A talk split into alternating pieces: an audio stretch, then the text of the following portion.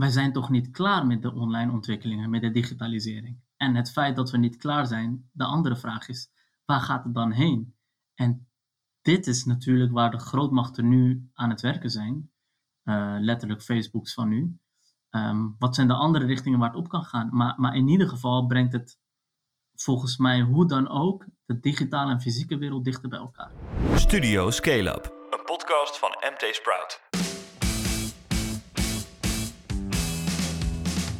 Van harte welkom bij Studio Scale-up, de wekelijkse podcast van MT Sprout, waarin we het laatste nieuws doornemen over startups, over scale-ups en de incidentele fuck-ups. Mijn naam is Remy Gieling. En dit keer bellen we natuurlijk niet met Philip Buters, die zit immers uh, ja, vakantie te vieren in Italië. In plaats daarvan hebben we een vervanger gevonden, en dat is ondernemer en vaste luisteraar van de show, Oemar Mirza.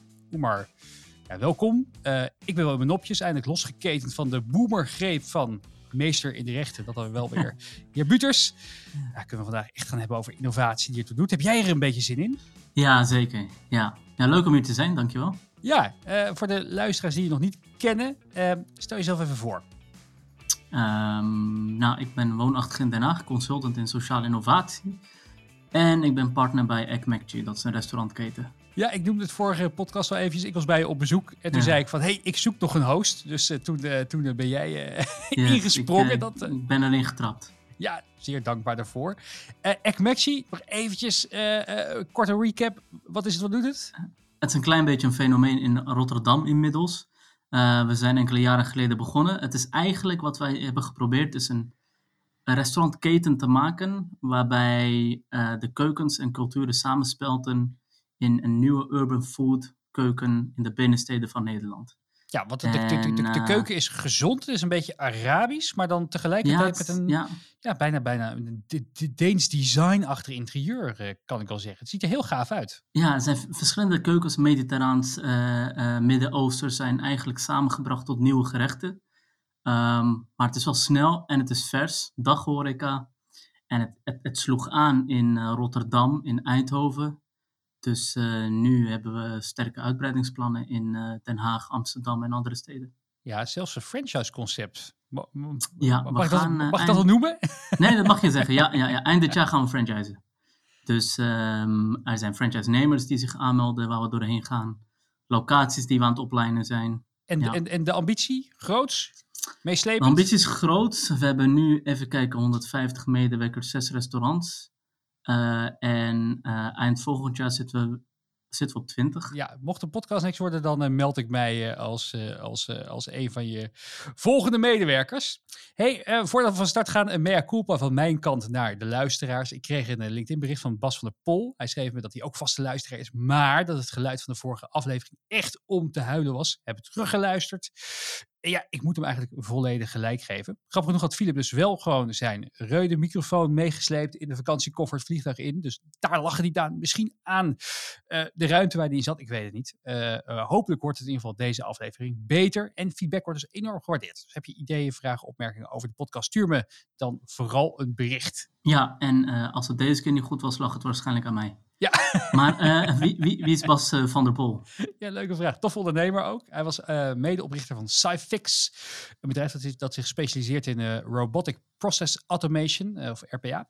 Saaie taken automatiseren. en ze wonnen onder meer de 2525 geworden van MT Sprout, de prijs voor de meest veelbelovende jonge ondernemers van Nederland.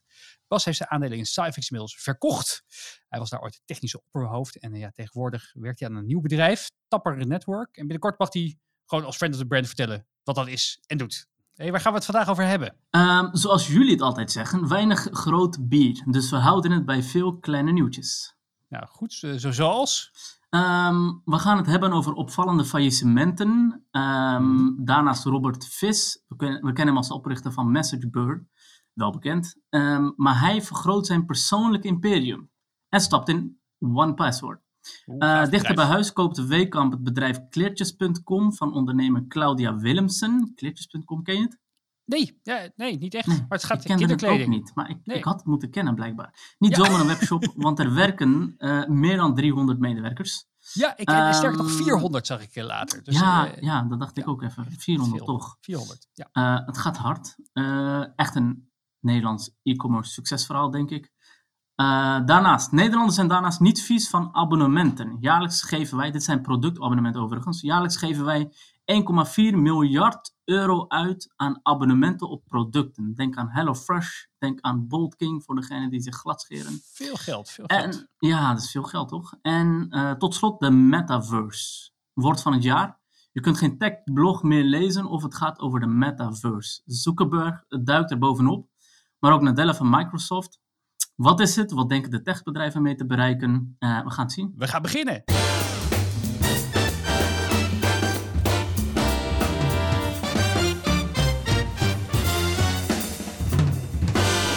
Dan opvallende faillissementen. Maarten Kessel zette afgelopen week zeven opvallende faillissementen op een rij. Welke vielen jou op uit dit artikel, Umar? Allereerst het sportdrankenmerk Osonic. Het tekende sport, uh, sponsordeals met voetbalclubs, waaronder Vitesse, AS Monaco, VfL Wolfsburg. Maar het bedrijf uit Rijswijk leed zijn eerste twee jaar een megaverlies van ruim 1,2 miljoen euro. Tegenover een omzet van nog geen 200.000 euro. Dus dat is fors. Ja. ja, dat is pijnlijk. Dat is pijnlijk. Ja. En het sportdrankmerk ging in totaal voor 6,6 miljoen euro aan verplichtingen aan. Uh, dat bleek deze week uit een bijgewerkt faillissementsverslag. Miljoenen waar volgens de curator geen financiële dekking voor was. Ja, wat een verhaal. Ja, onder de schuldeisen zitten dus ook gewoon voetbalclubs als Juventus, Vitesse. Uh, en die hebben het Nederlandse bedrijf aangeklaagd vanwege misgelopen sponsorgelden. Uh, Oostonic-oprichter Marcel uh, Kraaienbeek werd naar eigen zeggen door een investeerder uit het bedrijf gezet. de gewichte ja, ondernemer ja. beklaagt zich vervolgens bij RTL Nieuws over dat Oostonic uh, sponsorcontracten na zijn vertrek eenzijdig zou hebben opgezegd. Maar er is Ja, nog een en- saillant detail, hè? Ja, ja, ja. Een van de gedupeerden die het faillissement aanvroeg is Johan Cruijff Foundation. Oh, oh als je Ja, die gaat ja, dat- oplichten, dan ben je wel je echt doen. in en in Niemand slecht. komt aan onze Johan Cruijff. Volgens die organisatie probeerde Osonic vertrouwen te wekken met op handen zijnde grote investeringen, waarmee de sponsorgelden gegarandeerd zouden zijn. Oh, nou, wat beloftes dus. Erg, wat erg. Hey, ehm andere opvallende was de kijkshop. Ik wist niet dat dat nog bestond. Dat was iets vanuit mijn jeugd, dacht ik. Ja, ik ken het nog. Dat zo- zo'n winkel met al die wat, glazen. eh, is strijkijzer in de vitrine. Ja, het zag er heel knullig uit altijd. En eh, de laatste fysieke, van Kijkshop, de laatste fysieke winkel van Kijkshop sloot inderdaad ook drie jaar geleden. Maar het merk kreeg dus een online doorstart toen een ondernemer genaamd Koenrad van der Bos zijn bedrijf, het, ja, de, de merk heeft gekocht. En ehm, hij boekte daarmee, zo schreef de ondernemer.nl, jaloersmakende omzetten. Eh, maar ja, twee weken na het interview viel het doek alweer. en de weken daarvoor regenen het klachten over gebrekkige leveringen. Nou, dat zijn geen jaloersmakende omzetten geweest dan. Maar pijnlijk zeg, hoe kon dit eigenlijk gebeuren? Nou, het grappige is, is dat dat bleek uit het, eh, uit het faillissementsverslag en vanuit de curator. Ehm want ze zeiden zelf dat het liquiditeitsproblemen waren. Daar zette die cu- curator al snel eh, zijn eh, vraagtekens bij. Ja, eigenlijk was dit bedrijf gewoon een dropshipper. Dus pas als jij iets bestelde, dan ging hij het inkopen bij een derde partij. Die het dan direct naar jou als klant stuurde. Maar ja, dat, dat, daar, ging, daar gingen soms weken overheen natuurlijk. Dus het was eigenlijk helemaal geen webshop. Het was gewoon een, een, een, digitaal. Ja, en daar heb je gewoon geen daar heb je helemaal geen krediet voor nodig. Dus Nee, wat zit er echt achter? Ik vind het interessant. Daar gaan we misschien nog wat van horen. Nou, in het rijtje opvallende faillissementen, car driver deals.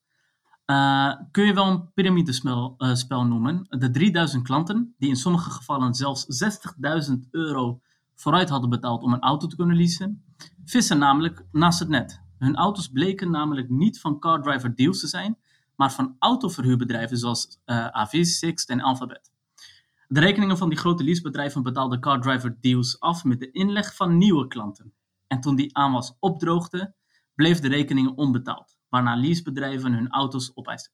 Car drive deals ging deze maand failliet. Ja. Ik, ik, het doet me denken aan, aan al die andere pyramide-schemes. Ja, een soort, soort, soort, soort Herbalife on wheels is dit. Herbalife, crypto, van alles. aan auto's. Bovendien eh, zijn de oprichters dus ook gewoon met de Noorderzon vertrokken. Eh, en omdat dus de cura- curator niet lukt, lukt om de eigenaren. En hè, als u ze ziet, ziet lopen of rijden, geef het door. Want ze, zijn, ze worden gezocht. Jan en Geert Golstein. Eh, ja, die curator probeert ze te traceren. En hij overweegt zelfs de broers door de rechtbank te laten gijzelen. Wat Nou, een dit wordt- verhaal. Dit wordt een Netflix-serie of Videoland. Ja, het artikel met alle faillissementen eh staan in de show notes. Dan, ja, een van onze favoriete ondernemers, Robert Vis van MessageBird, stapt in Password Manager One Password. Uh, zo laat hij weten op LinkedIn. En met hem een hele hoop anderen. Een mooie lijst, hè? Ja, het is echt gaaf. De CEO van Shopify, de president van Shopify, de CEO en co-founder van Slack, de founder CEO van Squarespace, dus co-CEO's van Atlassian, uh, co-founder van Eventbrite en Ashton Kutcher. Die zit trouwens tegenwoordig helemaal in de crypto. Oh, is het zo? Ja, ja uh, hij en zijn vrouw Mila Kunis waren, waren laatst... Ja. ja, etu, etu uh, Ashton. Ja, ja. Hij en zijn vrouw uh, Mila Kunis waren laatste gast bij de podcast Armchair Expert van Dak Shepard. En dat is dan weer de man van Kirsten Bell. Ja, het is echt één grote incest daar in, in, in Hollywood. Om over welke podcast van die daar? Die ken ik niet. Armchair Expert. Hmm. Is het aanrader. Ik zet de, de, de link ook wel in de show notes. Alright, en uh, terug naar uh, Robert Vis, waar oh, ja. jij uh, een fan van bent. Ja, ja, ja. hij investeert dus persoonlijk in de Password Manager One Password. gebruik jij Password Managers? Jazeker, ik gebruik een Password Manager. Het is toch even een gedoe, maar ik moet zeggen, als ik het niet had, dan moet ik heel veel I forgot my password knopjes indrukken.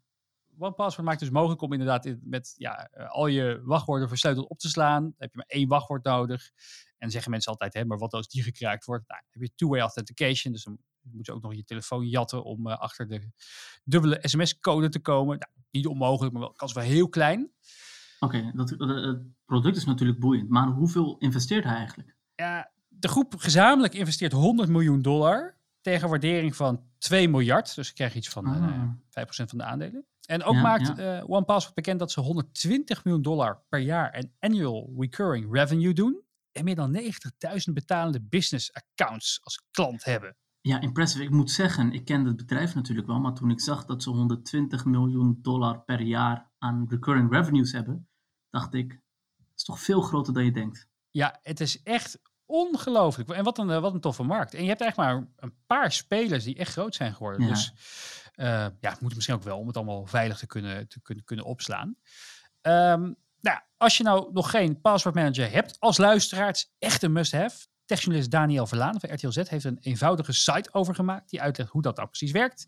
Laat je niet hackmaken.nl en uiteraard vind je die link wederom in de show notes.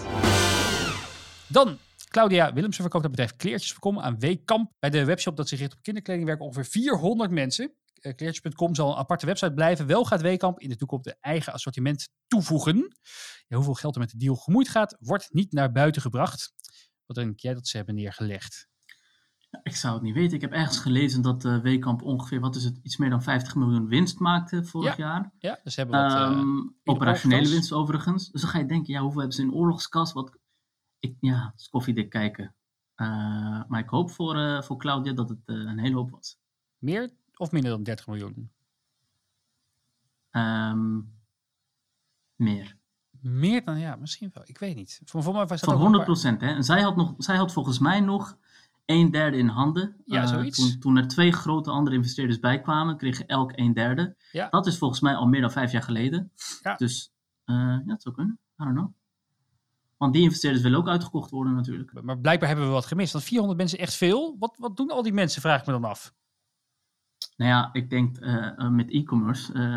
technologie is belangrijk. marketing natuurlijk. Ja, maar inpakkers eh, hadden eigen, eigen warehouse hadden ze. Ja, maar ook gewoon het samenstellen. Hè? En dan, je moet, je moet, alles moet ook goed erop, eh, eruit zien. Eh, Logistiek is belangrijk. Ja. Ehm, ja, nee, ik, ik, 400 eh, is prima. Ik ben alleen benieuwd wat voor omzetten ze deden. Ik zie ergens staan va- 45 miljoen euro omzet. Oh, dat is... eh, Anderhalf jaar geleden zag ik dit. nou, misschien met de coronapandemie er nog eventjes een kleine, kleine verdubbelaar op. eh. Ja, als de winst op 10% zit, 5 miljoen. En je doet een eh, multiple, eh EBITDA multiple van zo'n 10 misschien. Mhm. 50 miljoen kom je dan waardering. Ja, dat zal. Oh, zo, zou niet, zou niet slecht zijn. Ge- ge- Stort ze wel gelijk de hele jaarwinst eh, in kleertjes.com. Dan moet je wel echt een heel erg, eh, heel erg veel vertrouwen erin hebben. Ehm ja, Weekamp gaat dus ook goed. Onder bewind van de Britse topman Gra- Graham Harris. Graham Harris steeg de omzet vorig jaar naar eh, 729 miljoen. Bruto winst staat 57. Eh, 16 miljoen meer dan het jaar daarvoor. Eh, Hij heeft inmiddels 2,5 miljoen klanten en 15 meer ten opzichte van vorig jaar. Wat, wat, wat doen ze goed? Want ik kom er zelf niet heel vaak. Nee, ik ook niet. Ik heb één keer eh, er een bankje gekocht. Banken hebben ze vaak, hè? Ehm, Ja. Ja, ja, maar behalve de verschuiving naar online door de pandemie helpen samenwerking met andere merken en bekende personen natuurlijk ook. Denk aan eh, eh, TV-kok, een moeilijke naam, eh Witsenhausen. En afgelopen jaren zijn ze daarnaast natuurlijk ook veel gaan investeren in technologie, automatisering, infrastructuur. Wacom wil later dit jaar bijvoorbeeld ook bezorging op de dag van bestelling mogelijk maken. Dus je bestelt gewoon in de ochtend en je hebt het in de avond waarschijnlijk. ja. En daarvoor werkt Wacom samen met bezorgpartner DHL.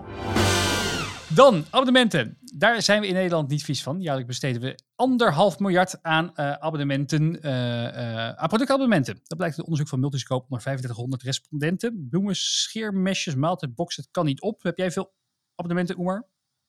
Ja, ik heb veel abonnementen, maar niet productabonnementen. Dus dat ik echt een product regelmatig ontvang.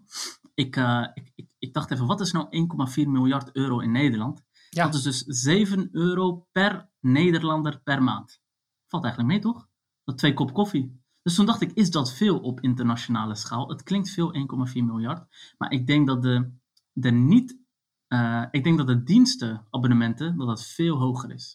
Precies. Dus De eigenlijk Netflix, inderdaad- eh, de, de, de Office abonnementen, je Gmail misschien, Dropbox, OnePass, et cetera, et cetera. Ja, Even ja. los van de gaswater, elektra, internet, denk ik dat dat heel veel is. Eh, in Nederland steekt wel de maaltijdbox er in deze categorie met kop en schouders bovenuit. De helft van de totale markt aan eh, eh, omzet gaat naar deze abonnementen, dus 700 miljoen.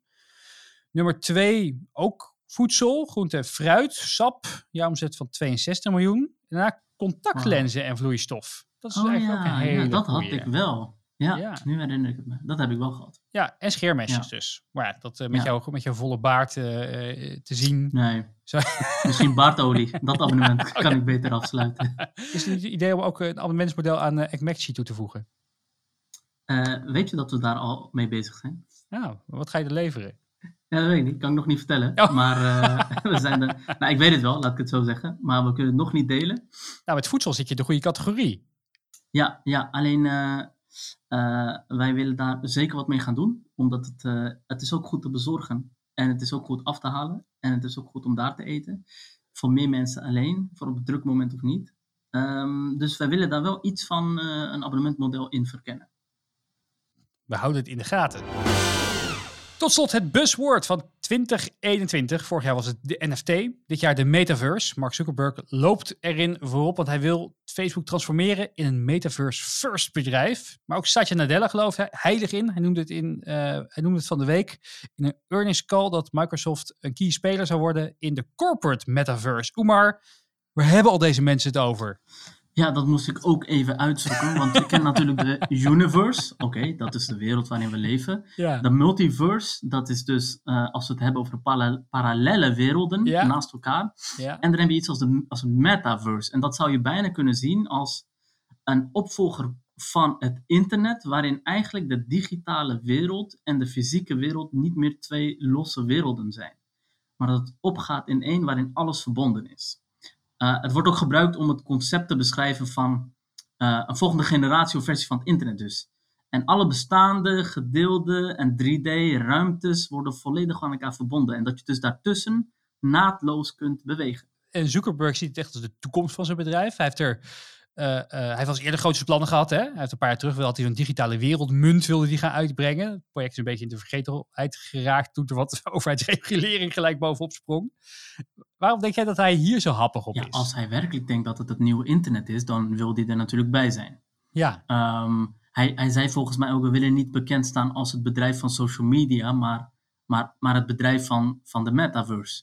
Um, wat ik wel dan denk als ik dit zo lees, uh, net als het internet zou geen enkel bedrijf het internet moeten runnen. Maar wil hij het ontwikkelen of zo en het dan runnen? Dat kan toch niet? Het kan toch alleen slagen als het van niemand en van iedereen is? Ja, ja, volgens mij heeft hij daar wel iets over gezegd. Ook inderdaad dat het wel een decentraal iets moet zijn. Maar ze willen wel een soort van de centrale speler daarin zijn. Dat is dat je, dat je misschien ja. inderdaad altijd inlogt in de metaverse met je Facebook-account. En misschien daar toch misschien een beetje... wil Facebook de Google van metaverse worden. Ja, precies.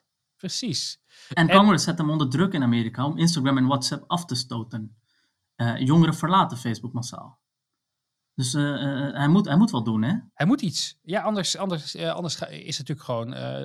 is, is, is Facebook zometeen de nieuwe Kodak... om maar eventjes een open deur erin te, in te gooien. Ja, of Hives. Het grappige is, hij heeft dus ook gelijk een heel, um, uh, heel team opgezet. Een heel, een heel metaverse team. En de hoofd daarvan, Andrew Bosworth, zei hierover. But to achieve our full vision of the metaverse, we will also need to build the connective tissue between these spaces. So you can uh, remove the limitations of physics and move between them uh, at the same ease as moving from room to room in your home. wat bedoelt hij hiermee? Ja, het is, uh, het is, uh, ik denk dat we even, even goed moeten filosoferen hiervoor. Uh, wat, ik, wat ik overigens boeiend vond, is dat het virtual reality groep van Facebook heet Reality Labs, niet Virtual Reality Labs. Deze nieuwe realiteit is de realiteit straks. Ik denk dat zij het echt zo zien dat, dat we, net zoals waarschijnlijk, ja, wat is een goede vergelijking, um, dat de, een beleving met augmented reality of zo, dat je dus door een museum kunt lopen op je telefoon, uh, maar, maar je weet, je kijkt naar je scherm, dat gedeelte dat dat weggaat, dat je niet meer um, eigenlijk naar je scherm kijkt, maar je kijkt naar die ene realiteit. Misschien is dat het, of dat je met z'n tweeën in een kamer aanwezig kunt zijn, zonder allebei in die kamer te zijn. Um, maar je gaat daar in een soort van echte Second Life versie of zo heen. Ja, want je hebt wel echt een, uh, natuurlijk een, in, een interface nodig. Dus je moet een manier hebben om jezelf in die metaverse te brengen. Dat, dat kan een Daar scherm zijn. zijn. natuurlijk wat voor ontwikkeld. Maar dat kan, ja, dat kan, een, dat kan inderdaad een virtuele box zijn. Maar het kan ook inderdaad een bril zijn. Ik weet dat uh, Apple wordt er, wordt, er, wordt er door meerdere techkenners van beticht dat ze met een augmented reality bril bezig zijn. Microsoft heeft hun uh, HoloLens, waar ze heel veel aan verdienen dankzij defensiecontracten. Uh, Facebook heeft jaren Oh. terug ook al Oculus gekocht, die, uh, die virtual reality brillenmaker. Ik heb er zelf één. Ze lopen wel echt voorop daarin. En het leuke is ook wel, dat als je die bril op hebt en je gaat inderdaad, uh, je kan bijvoorbeeld in, maar dat is nog vaak een video, dus dan ben je één, keer midden in New York of ergens in Afrika. of je loopt door een museum heen, inderdaad. Het voelt al, en, en, en de kwaliteit is nog niet zo goed. Dus ik denk dat dit dan een beetje de Windows 95 versie van, van, van, Ja, van, van ja. virtual reality is. Of MS-DOS. Ja, en dus DOS misschien nog wel. Dus als je dat als een soort van eikpunt neemt, ja, dat, dat, dat, gaat wel veel brengen. Ik ben vooral Nou, benieuwd hoe je, hoe je andere mensen gaat zien. Want je, je- misschien gaan we wel, moeten we soort van hyperrealistische avatars van onszelf gaan krijgen daarin of zo. Ja, of hologrammen of zo. ehm, die je ziet en waar je mee komt. Ja, weet je, ik, heb, eh, ik was laatst. ehm, eh, wilde ik, eh, ging ik naar, een, naar een bouwproject toe om te bekijken. Eh, maar er was nog niks gebouwd. En, en je, je ging dan naar die plek toe waar het gebouwd zou worden. En je doet zo'n eh, eh, virtual reality ding op. En je loopt door, door dat gebied heen, door zo'n wijk heen. Met, met die gebouwen. En dat is inclusief lichtinval, inclusief de sfeer daar. Je kunt dan een, je kunt zelfs tijdstip kiezen van de dag om een beetje de sfeer te zien. Je kunt er doorheen lopen. Moet je even oppassen dat je niet tegen iemand opbotst. ja. Maar, dus, maar, maar, maar dat tegen iemand opbotsen is dus nog het grote verschil tussen de virtual reality en de echte. ja, Eh, nu nog. En in de metaverse gebeuren dat soort dingen niet. ja, In de precies. metaverse gaat het naadloos samen. Je voelt niet dat je on of offline bent. Wij zijn toch niet klaar met de online ontwikkelingen, met de digitalisering. En het feit dat we niet klaar zijn, de andere vraag is, waar gaat het dan heen? En dit is natuurlijk waar de grootmachten nu aan het werken zijn. Eh, letterlijk Facebooks van nu. Ehm, wat zijn de andere richtingen waar het op kan gaan? Maar, maar in ieder geval brengt het volgens mij hoe dan ook de digitale en fysieke wereld dichter bij elkaar. De beroemde journalist Casey Newton sprak voor technologie-site The Verge een tijd met Mark Zuckerberg over zijn ambitieuze plannen. Eh, is een gaaf interview geworden, zowel geschreven als in podcastvorm. We linken ernaar in de show notes. Maar laten we vooral nog eventjes luisteren naar een klein stukje van Casey Newton in gesprek met Mark Zuckerberg himself over de metaverse. The other area that I think is, is going to be pretty exciting is is basically doing meetings. And we I already do a bunch of meetings in, in VR. And it is you know, even though you know the avatars aren't as realistic today as they will be in a few years, in a lot of ways it's already it feels almost more real than than, than and, and more like you have a sense of space than a than a Zoom call because you know you have the shared sense of space. If someone is sitting to your right, you're sitting to their left. You know, you're, if you're sitting in a circle, you know everyone can kind of remember what order people were in. There- There's spatial audio. You know, you look over to the head of the table and there can be a screen there where people who can't be in VR or AR can video conference in so and, and be a part of your meeting from from the outside you can project different people can share as many documents as they want. So it's no more this like oh i can only share one document at a time because you know everyone you, you presume only has one screen and in vr people can pull up as many screens as they want. So you can share as much context as you want during a meeting. You have a whiteboard people can draw. It's it's pretty wild. So i, I think that and, and we're clearly just at the beginning of this. So i think that that's going to be very exciting. And and and people can customize their office space and, and kind of have it feel like what their physical office is and just be a digital continuation of that. So I think that's pretty neat. But then I think what you were also asking about is aside from doing the kind of knowledge work that we would typically do in offices today, but instead doing it in um, in the metaverse, I do think that there will be entirely new types of work too. So you know, in terms of designing places where where people hang out, you know, this is going to be a massive part of the creator economy. I think um, you'll you'll have individual creators designing experiences and places. You'll have artists doing things, whether it's a comedy show, which is it's it's like we, we did this comedy show on our on our team and um, in in um, in Horizon the other day and it was just kind of it was funny to, to you know see, you know you, you feel like you're there with other people and you know there's something to it that's just like a little more um, engaging than than just all kind of you know looking at a screen independently and watching it yourself. Wait, wh- what was this show? What did you tell jokes during the show? I was not the comedian, fortunately oh, okay. for the other participants who were there, but um, no, but but I mean the, the team that's that's developing Horizon, which is a big part of our our internal efforts in the space, you know, they, they try to do fun things like this just to, to kind of build out and, and, test how the development of, of the work is going. And I thought I thought that that was pretty funny. But you get concerts in there. You have this whole set of, of creators who are building out different you know different experiences, ranging from kind of an individual creator to you know teams of, of dozens of people building AAA games where you can kind of have your avatar and you can go across these experiences. You can teleport instantaneously. You can bring your outfits and your digital objects with you. So I think that there's going to be a whole economy around this. En daarmee zijn we aan het einde gekomen van Studio Scale aflevering 18. Vergeet je niet te abonneren op Spotify of je favoriete podcast-app. Uh, en vergeet de podcast ook niet te delen met je ondernemende vrienden en kennissen. En laat een recensie achter in je favoriete app. Oemar, dank dat je er was. Famous last words? Ja, ik vond het leuk en mijn famous last words. Wees een beetje lief voor elkaar. Heel erg bedankt voor het luisteren en graag tot de volgende aflevering.